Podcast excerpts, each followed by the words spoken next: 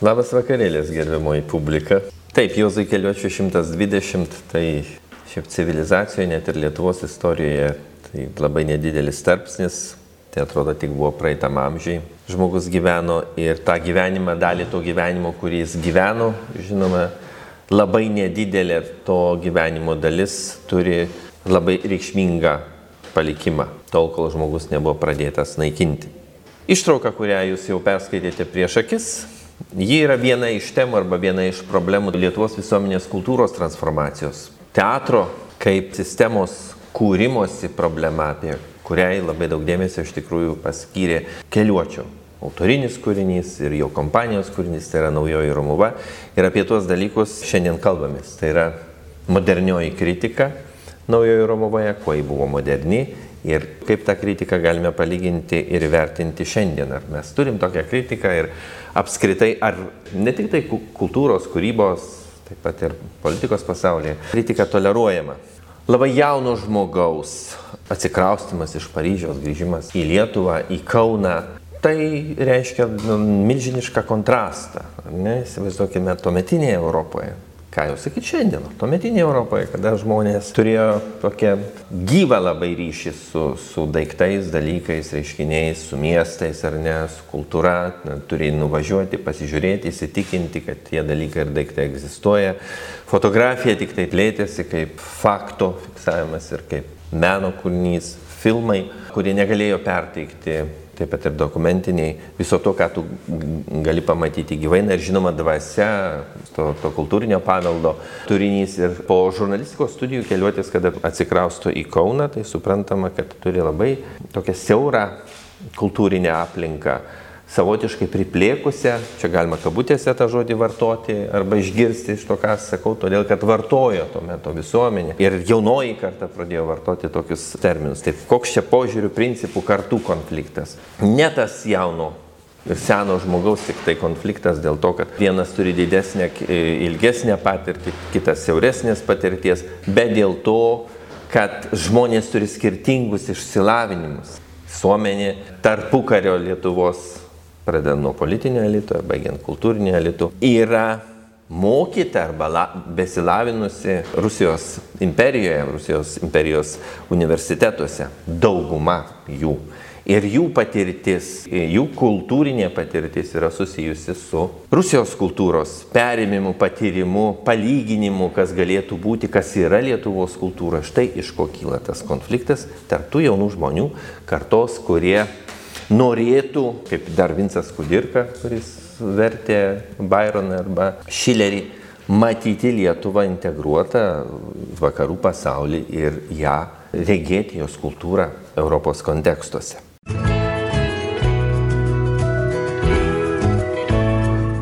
31 metais, štai nuo to laiko pradedu šitą paskaitą, nuo 1931 metų, todėl kad apie keliuotį išsamei biografiją tai galima paskaityti, tai figūra, kuri žinoma, kad pradeda ne nuo naujosios Romuvos, bet e, tai, ką jis pabandė įdėkti, bedirbdamas kurį laiką katalikiškame dienraštyje. Rytas, tai yra partinis diena, kirgdemų e, dienraštis, sumanė vis dėlto įsteigti tokį žurnalą, kurio dar Lietuvoje nebuvo tokį leidinį, kuris parodytų arba atskleistų ką? Modernėją krikščionybę.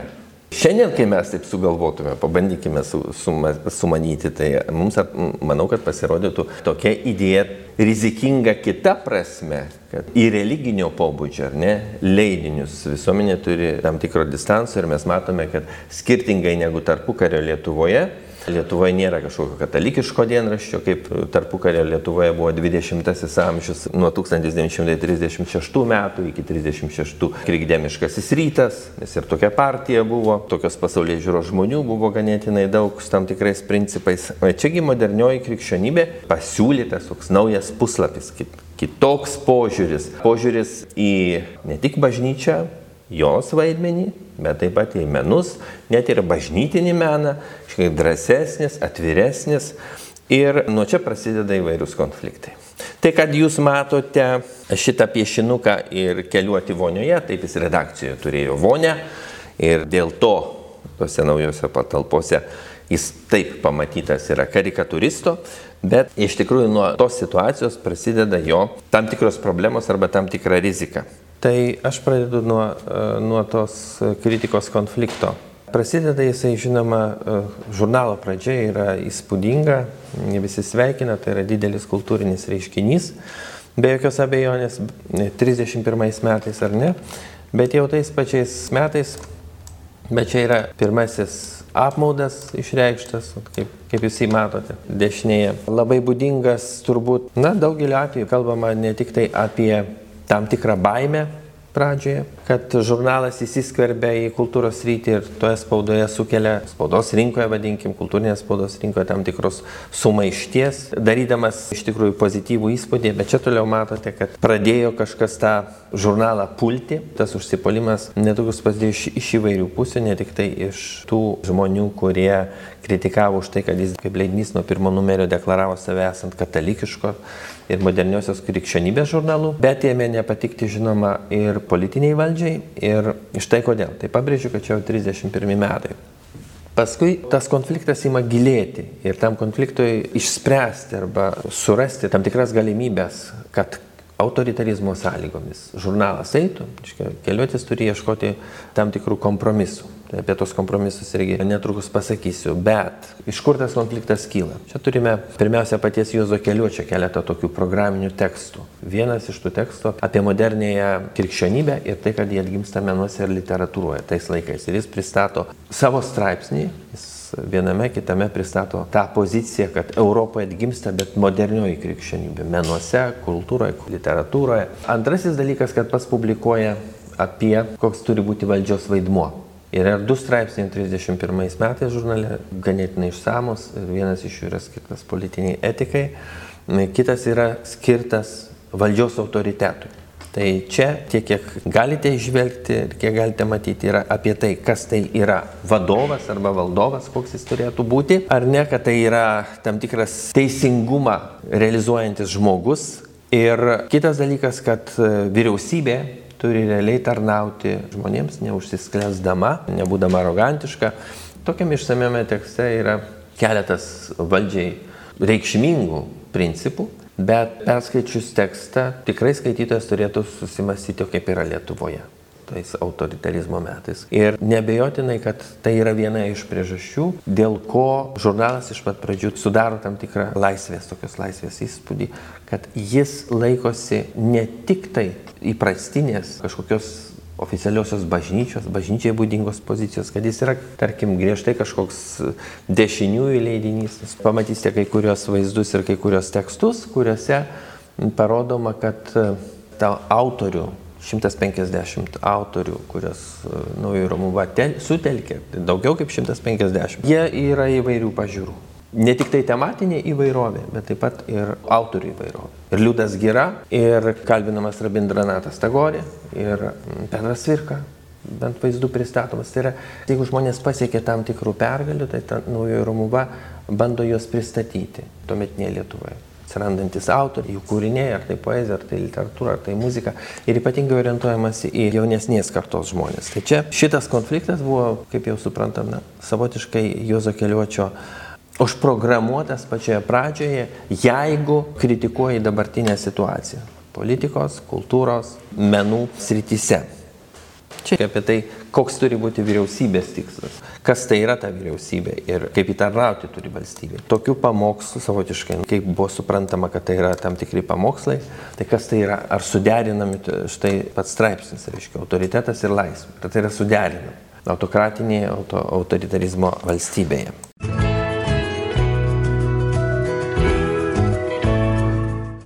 Santykiai su, uh, tada kaip minėjau apie, apie na, tam tikrą kompromisą, kompromiso paiešką. Ne?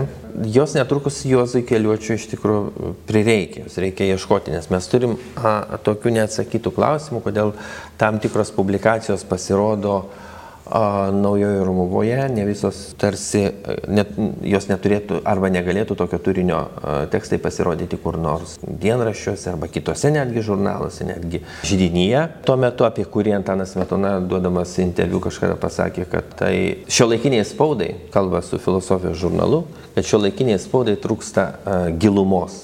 O kaip ta giluma, reiškia, gali atsirasti, jeigu yra visa spauda cenzuruojama. Ir, jinai, ir taip pat e, cenzuruojami šiek tiek laisviau, tarsi žiūrint, bet taip pat cenzuruojami yra ir kultūros, filosofijos, literatūros leidiniai ir žurnalai. Tai tada įsim, aišku, tai vienas iš tokių populiarių būdų - padaryti interviu, dažniau užsukti pas prezidentą, Kaunas nėra didelis miestas, čia ne Paryžius, ir padarius interviu publikuoti arba bent karts nuo karto publikuoti paties prezidento ir jo šeimos nuotrauką kaip tam tikrą įdomybę. Ir žiūrėk, tame numeryje turinys yra jau laisvesnis. Tai taip yra nutikę su 36 metais, su žemė deklaracija, į organiškosios valstybės kūrimą. Ta deklaracija, kurioje e, neokatalikai buvo labai sudėtingų laikotarpių, tai yra per patį rinkimų, vadinamų rinkimų, tai yra parinkto ketvirto Seimo kampanija, bandyti siūlyti kažkokią alternatyvą valstybėje, šiek tiek liberalizmo bent šiek tiek. Na, atrodė ne visiškai priimtina, bet žiūrėk, pasisekė tai padaryti. Negana to,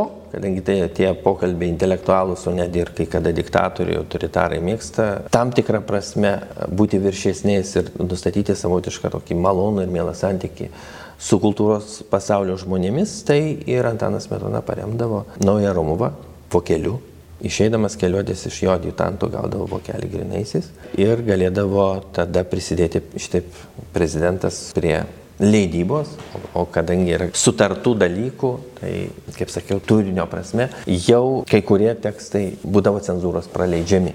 Nors per visą tą laikotarpį peržiūrėjus Valstybės saugumo departamento spaudos skyriaus byloje išlikusioje, ypatingai 39-40 metais straipsnius, nepublikuotų, kurie liko ir kurios, kurios galima paskaityti. E, ir ne visada supranti, kodėl tas tekstas pasirinktas ir neleistas publikuoti cenzūros. Šiandien žiūrint, ne, šių, šių laikų. Tas konfliktas e, e, Juozo Keliuočio su įvairiais asmenimis ar institucijomis atsiranda dėl to, kad jis ir neturi na, tam tikros vienos apibrieštos pusės šalies arba dalies, kaip yra įprasta. Ar ne, tai mes šiandien gyvename tam tikrose burbuluose irgi turim savo kompanijas arba didesnės, mažesnės, arba jeigu jų iš viso galim neturėti, jeigu žmogus neužima kairės, dešinės, netgi taip vadinamojo centro, tiesiog jis žiūri tam tikrų principų - teisingumo, sažiningumo, kartais padorumo arba objektivumo ir panašių dalykų. Ir tada viena, kita, trečia, ketvirta šalis e, sako, na tai jis nė, nėra mūsų, ar ne? Tai panašiai atsitikdavo ir su Naujaja Romuva ir su Jozu Keliuočiu. Jeigu išspausdina, tai čia turite tą atvejį, išspausdina vieną tekstą Lietuvos Aidas, tai tautininkų vyriausybės dienraštis apie kuriamą Lituanistikos institutą, tai jau buvo kaip ir Andanos Metonos prezidento globojamas dalykas, reiškinys ir uždavinys. Ir štai pranas Kardžius kalbininkas nori reaguoti, bet jis taip ir prisipažįsta ir taip ir naujoji Romuva publikuoja, kad neleido to teksto Lietuvos aidas ir tada naujoji Romuva jį publikuoja. Čia jūs matote, pradžioje yra paaiškinamos aplinkybės, o tada pranas Kardžius kalbininkas aiškina, koks turėtų būti tas institutas, kiek jis turėtų būti atviras, kad nebūtinai jis turi būti išlaikomas iš valstybės. Yra įdomu, ar ne, tais laikais. Kitaip sakant, kad jis savo tyrimais galėtų užsidirbti ir kiti principai pateikti. Bet jau ta aplinkybė, kad naujoji Romuva savotiškai yra pasielgia nekorektiškai ypatingo dienraščio, tautininkų vyriausybės dienraščio atžvilgių, tai yra oficiozo dienraščio atžvilgių. Tai taip nutinka ne vieną kartą. Žinoma, kad toje laikinoje, mažoje, nedidelėje sostinėje, jos terpėje, jos kultūrinėse ir politinėse bendruomenėse tai nepriimama tokie dalykai kaip pozityvus poelgis. Tai šitie santykiai tokie sudėtingi, jie susiklosto su na, įvairių vyresnės kartos, įvairių sluoksnių žmonėmis.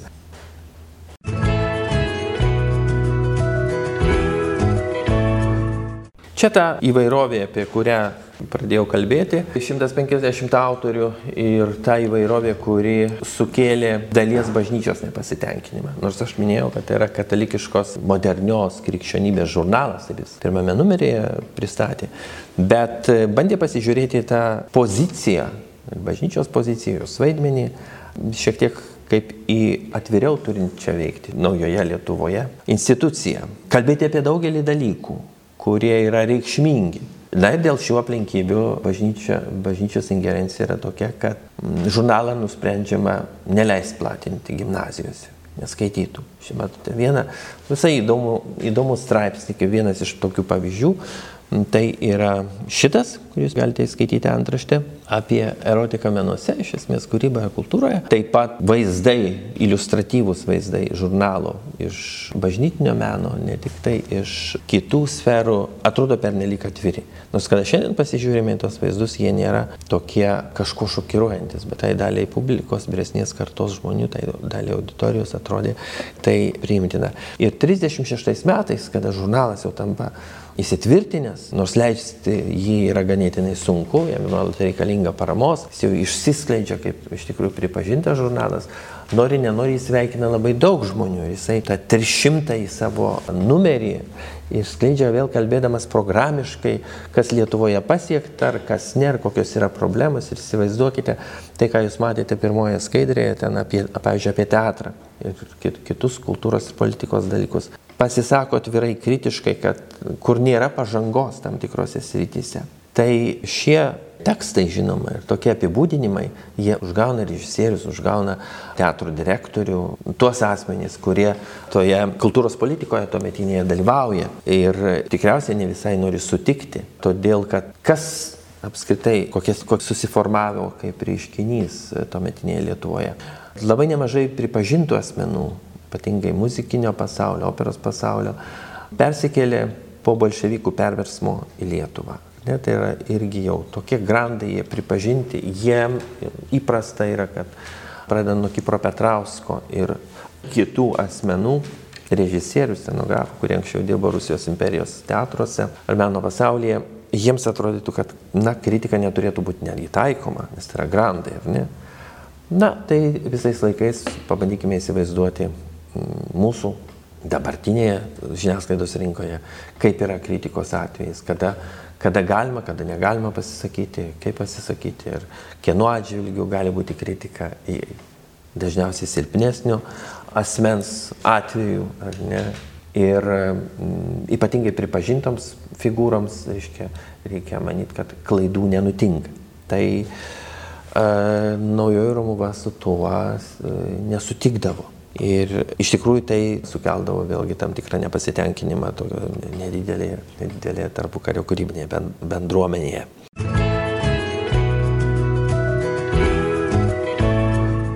Vienas iš reiškinių, kuris na, tikrai buvo labai svarbus ir reikšmingas ir apie jį visą galima būtų kalbėti skiriant ne vieną valandą, tai yra fotografijos meno sutelkimas.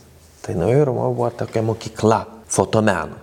Nepriklausomai nuo to, kad vadinosi tuo laikotarpiu draugija įkurta Petro Babitsko vadovaujama fotomėgėjų draugija, bet ji iš tikrųjų tai buvo fotomeno organizavimo Lietuvoje pati pradžia. Ir naujojo Rumuva skyrė ilgainiui dalį specialaus popieriaus, tų vadinamų įklijų, kad būtų publikuojamos geros kokybiškos nuotraukos. Tos nuotraukos, kurios laimėdavo tarptautinius prizus ypatingai konkursuose, Naujosios Romuvos fotografija tuo apskritai yra, žinoma, įspūdinga dar, kad joje mes galime atrasti nuotraukų, kurių iš tarpukario tiesiog mums neišliko kitur, neišliko kaip originalūs fondai dokumentų. Tai yra didžiulis privalumas žurnalo, kad fotografija buvo vienas iš prioritetų. Tai yra pasakojimas vaizdų, pasakojimas ne tik tai tekstinis, bet ir pasakojimas vaizdų. Ir tas, žinoma, montažas arba, kitaip tariant, maketavimas žurnalo buvo toks nepriklausomas nuo atskirai teksto, sakysim. Nuotrauka galėjo būti kaip atskiras pasakojimas ir buvo dedama kaip atskiras faktas, pasakojimas. Ten turime įvairiausių, reiškia, atradimų, įdomiausių dalykų. Gali, pavyzdžiui, pamatyti 1863 metų dalyvę nufotografuotą. Senutė ir, ir jos yra portretas. Labai daug Lietuvos moterų, moterų temai apskritai žurnalas skirdavo nemažai dėmesio. Lietuvos moteris, veikėjos, kultūrininkės, politikės, kurios, na, naujusius Romuvos manimų e, nusipelno. Ir turim visą galeriją jų vaizdų, jų portretų, su aprašymais apie jų vaidmenys e, Lietuvos visuomenėme gyvenime. Tai irgi tam tikras modernumas. Tai diskusija, kuri Kudirkos kažkada buvo pradėta apie moteris. Tai irgi labai yra įdomi tema XIX amžiuje. Ji dar išliko tokia problematiška, nepaisant, kad moteris turėjo rinkimų teisę ir būti išrinktos į parlamentą, bet ne 36 metais, nes 36 metais į tautininkų parinktą Seimą, ketvirtą Seimą, nepateko ne viena moteris. Tai buvo sudėliota rinkimų, vadinama rinkikų strategija, parinktų rinkikų strategija, kad būtų 36 metų ketvirtam Seime tik vyrai. Naujoji Romova padėjo organizuoti fotografijos konkursus tarptautinius konkursus, taip pat ir Kaune. Ir taip išūkdė, kadangi reikėjo plat, turėti platformą fotografams, kurie galėtų publikuoti, taip išūkdė labai daug žymių vardų, kurios paskui mes matom, kad jau jie yra arba išvykę, tarsi išnyksta nuo 1940 metų, bet dalis jų dar yra naujoje Romuvoje. Tai labai reikšmingas dalykas ir šiam dalykui kažką paskiriau šiek tiek laiko ir čia matote, du tomus padariau naujosios Romuvos fotografijos Vienas yra labiau žurnalistikai, kitas yra skirtas meno reklamos vaizdams parodyti, fotografijai kaip menui ir vaizdui.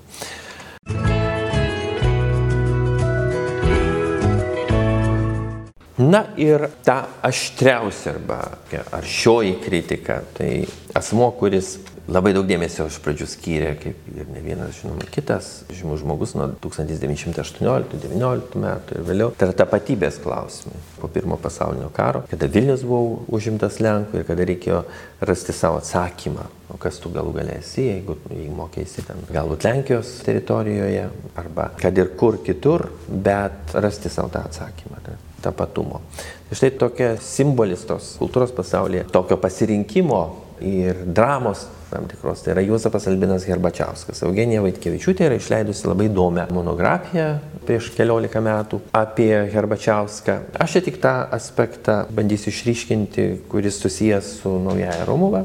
Tai yra su jo kritika, ypatinga kritika literatūrai, kai jis tikrai nukreipė prieš save, sutelkė tokios ugnies. Ne vieną rašytoją drįso kritikuoti, netgi Balis Ruoga, kitus autorius, mane, kad kultūros pasaulyje reikia polemikos, diskusijos apie tai, kas pasirodo nauja arba kas galėtų būti žymiai moderniau parašyta ir padaryta. Tarkime, tokia pozicija kuo ypatingas Šilionis arba kuo ypatingas Maironis, kad, yra, kad tai buvo originalūs kuriejai, kad nesistengė kopijuoti ir čia jūs matote nuorodą e, tekste į tam tikrus rusų autorius. Tai šios tokios tendencijos tarp vyresnės kartos kuriejų netgi poetų tarpukario Lietuvoje tikrai buvo nemažai.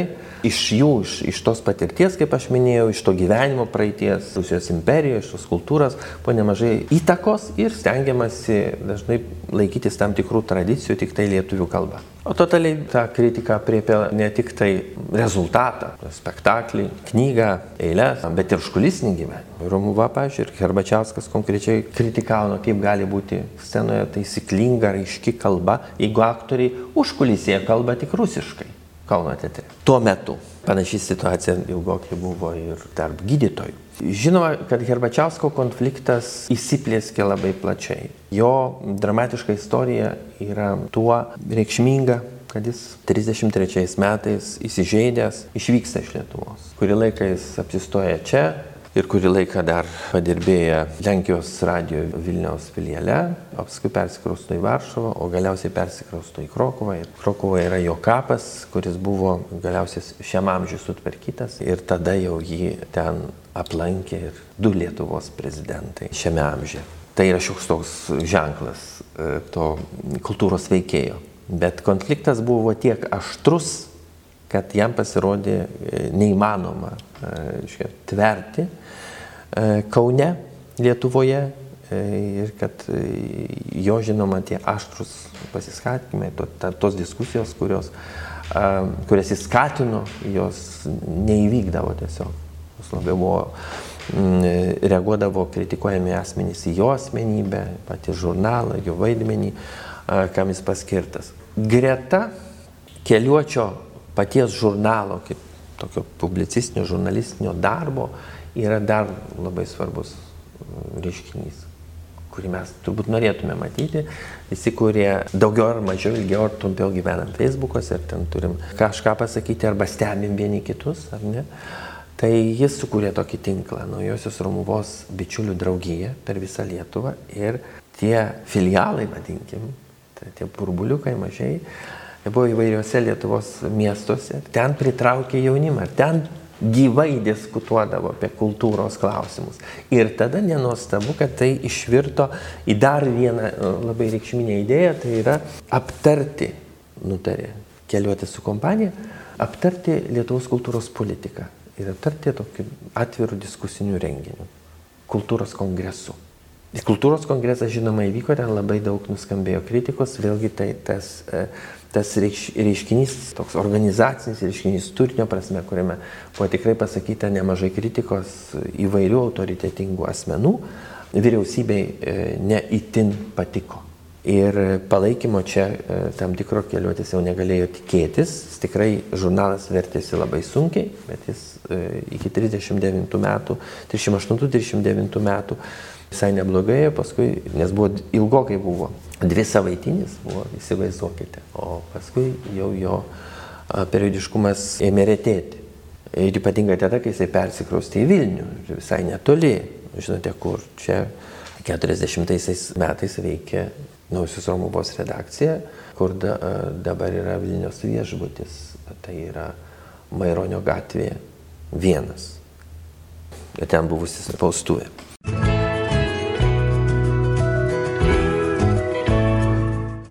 Štai turim keletą dalykų, kuriuos galima būtų apie tą kritiką kalbant apibendrinti. Tai pirmiausia, kaip formavosi ta kritika, į ką jinai buvo nukreipta. Pamatas buvo tarsi katalikybė. Ir iš to aišku, kad e, šiais laikais, kam nors pasakius, tai atrodytų asocijuotų su kokiu nors žurnalu Artuma dalinamu bažnyčiose arba kitų panašių leidinių, kur yra daug, dažniau daug monologų ir šiek tiek kronikos, ar ne? E, nėra tokios kultūrinės įvairovės įvairiose srityse. Tai pamatas buvo tas pagrindinis, kuris, sakysim, ideologinis arba idėjinis pamatas, bet kito ligmens ir kito formato, telkiant jaunąją kartą Ir tai buvo pabrėžta nenuobodi katalikybė.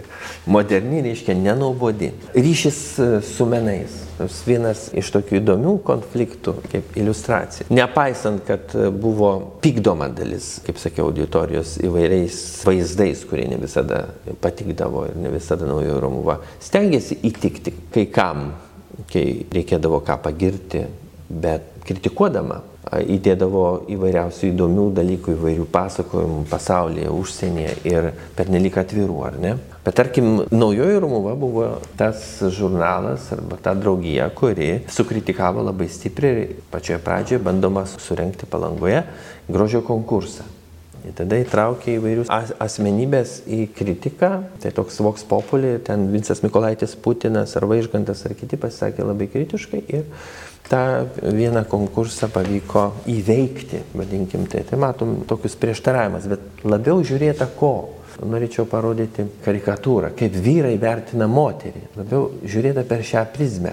Moteris nėra tas objektas, kurį tu gali visai čia vartyti ir dėlioti pliusus, minusus jai nereikėtų čia žiūrėti per tokią erotikos prizmę, kaip tik per žmogaus vertės prizmę. Štai į ką orientavosi žurnalas. Politika Tai buvo vienas iš tokių labai sudėtingų laukų, kalbant apskritai apie spaudą, kontekste nuolat reikėtų priminti vis aštrėjusią cenzūrą.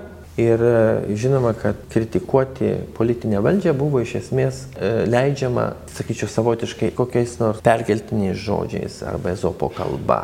Ir filosofinius tekstus buvo leidžiama publikuoti, todėl kad na, negali tiesiogiai pasakyti, e, būdamas cenzoriumi, kad čia apie mūsų vyriausybę rašom, ar ne? Nors e, kai teko nagrinėti ir tyrinėti patį vyriausybės kanceliarijos susirašinėjimą, tai ten puikiai jis atskleidžia, kad jie supranta, kai spaudoji dedamas koks nors felietonas, pavyzdžiui.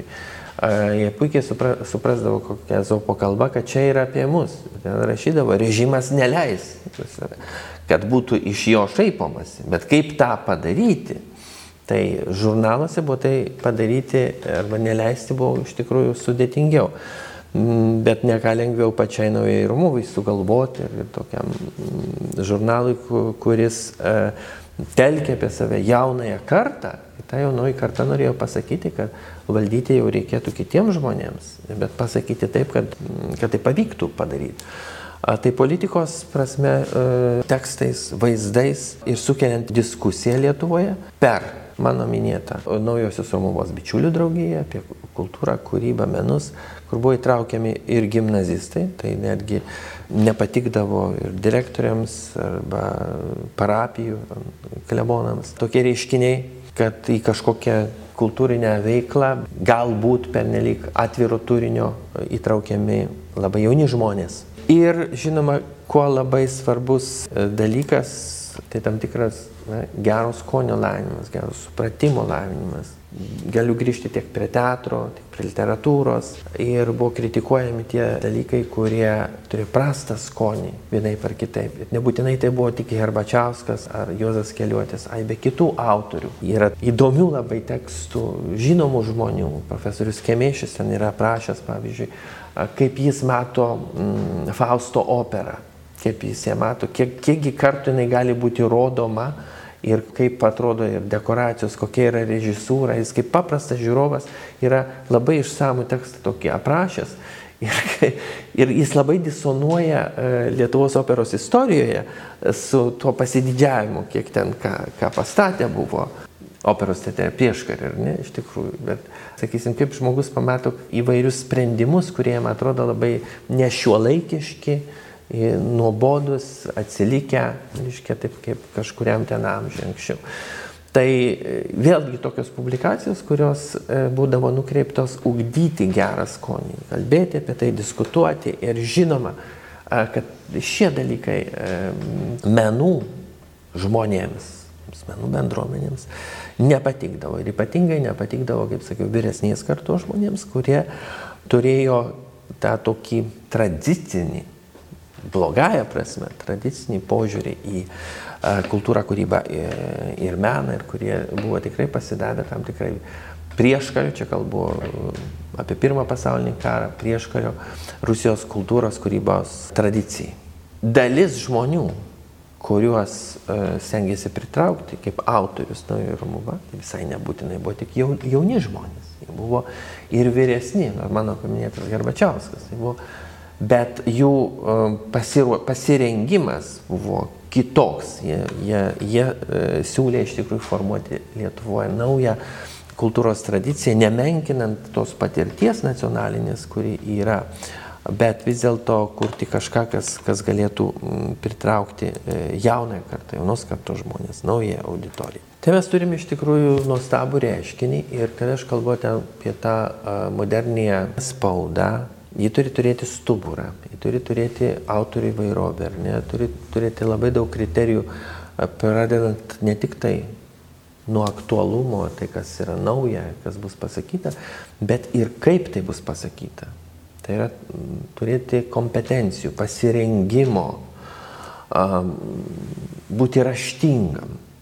O raštingam būti nėra pasirodo taip paprasta. Tai va, kai mes pas, pradedam žiūrėti į tą, į tą visą Nausios Romovos biblioteką, tą paveldą, tai jame galima atrasti dar ne vieną tekstą, kurį, kurį galima būtų užner, panerti, sakysim, ir ne, sudėlioti ir panerti ant tokios vinies ir tai būtų aktualu šių, šių laikų vinies, vadinkim. Skaityti tai, kas, kai kurios dalykus, kurie skaitai, yra labai aktualu dabar. Be jokios abejonės, naujojo Romuvoje ir ne vienas kritikas yra pasakęs, reikia drąsos. At kritikui reikia drąsos. Ir tol, kol jis nepavarksta jausti spaudimą tam tikrą, kartais ne tik, kad neobjektyvų, subjektyviais interesais matuojama, bet tiesiog ir nesažininga, bandant įvairiais būdais pateisinti kažkokį nevykus, nepavykusi rezultatą. Tai štai mes turime tokį kritikos, tas moderniosios kritikos glaustai tariant vaizdą ir jame Juozas Keliuotis kaip asmenybė iki 1940 metų išnyra kaip žmogus novatorius. Jeigu jis būtų apsigynęs disertaciją, jeigu jam būtų leidę, tai būtų iš tikrųjų pirmasis toks žurnalistikos tyrėjas ir mokslininkas, teoretikas, ne tik praktikas, mūsų jau Lietuvos istorijoje nes tų disertacijų radosi tik gerokai vėliau.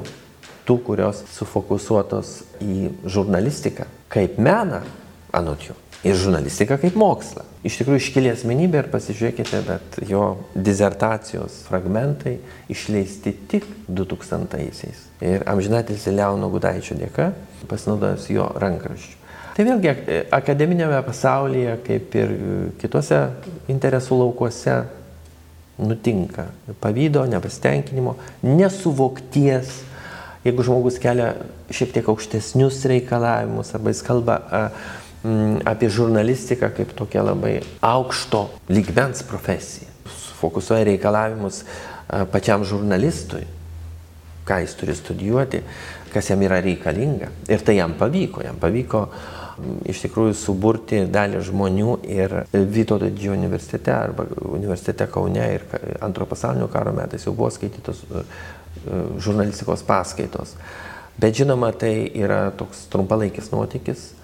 Kita vertus, ir tais laikais susilaukdavo kritikos, kad žurnalistikai kelia penelik aukštus norus, kaip buvo sakoma, ar pernelik aukštus reikalavimus. Tai čia, kaip ir mes esam patyrę šiais laikais, irgi kartais sakoma, kad žurnalistui studijose nebūtina per daug. Svarbu amatas, svarbu, kad jisai mokėtų naudotis kamerą. Bet ar tikrai jis, e, naudodamasis kamerą, žino, į ką jisai žiūri ir kiek e, jis turi toli matyti.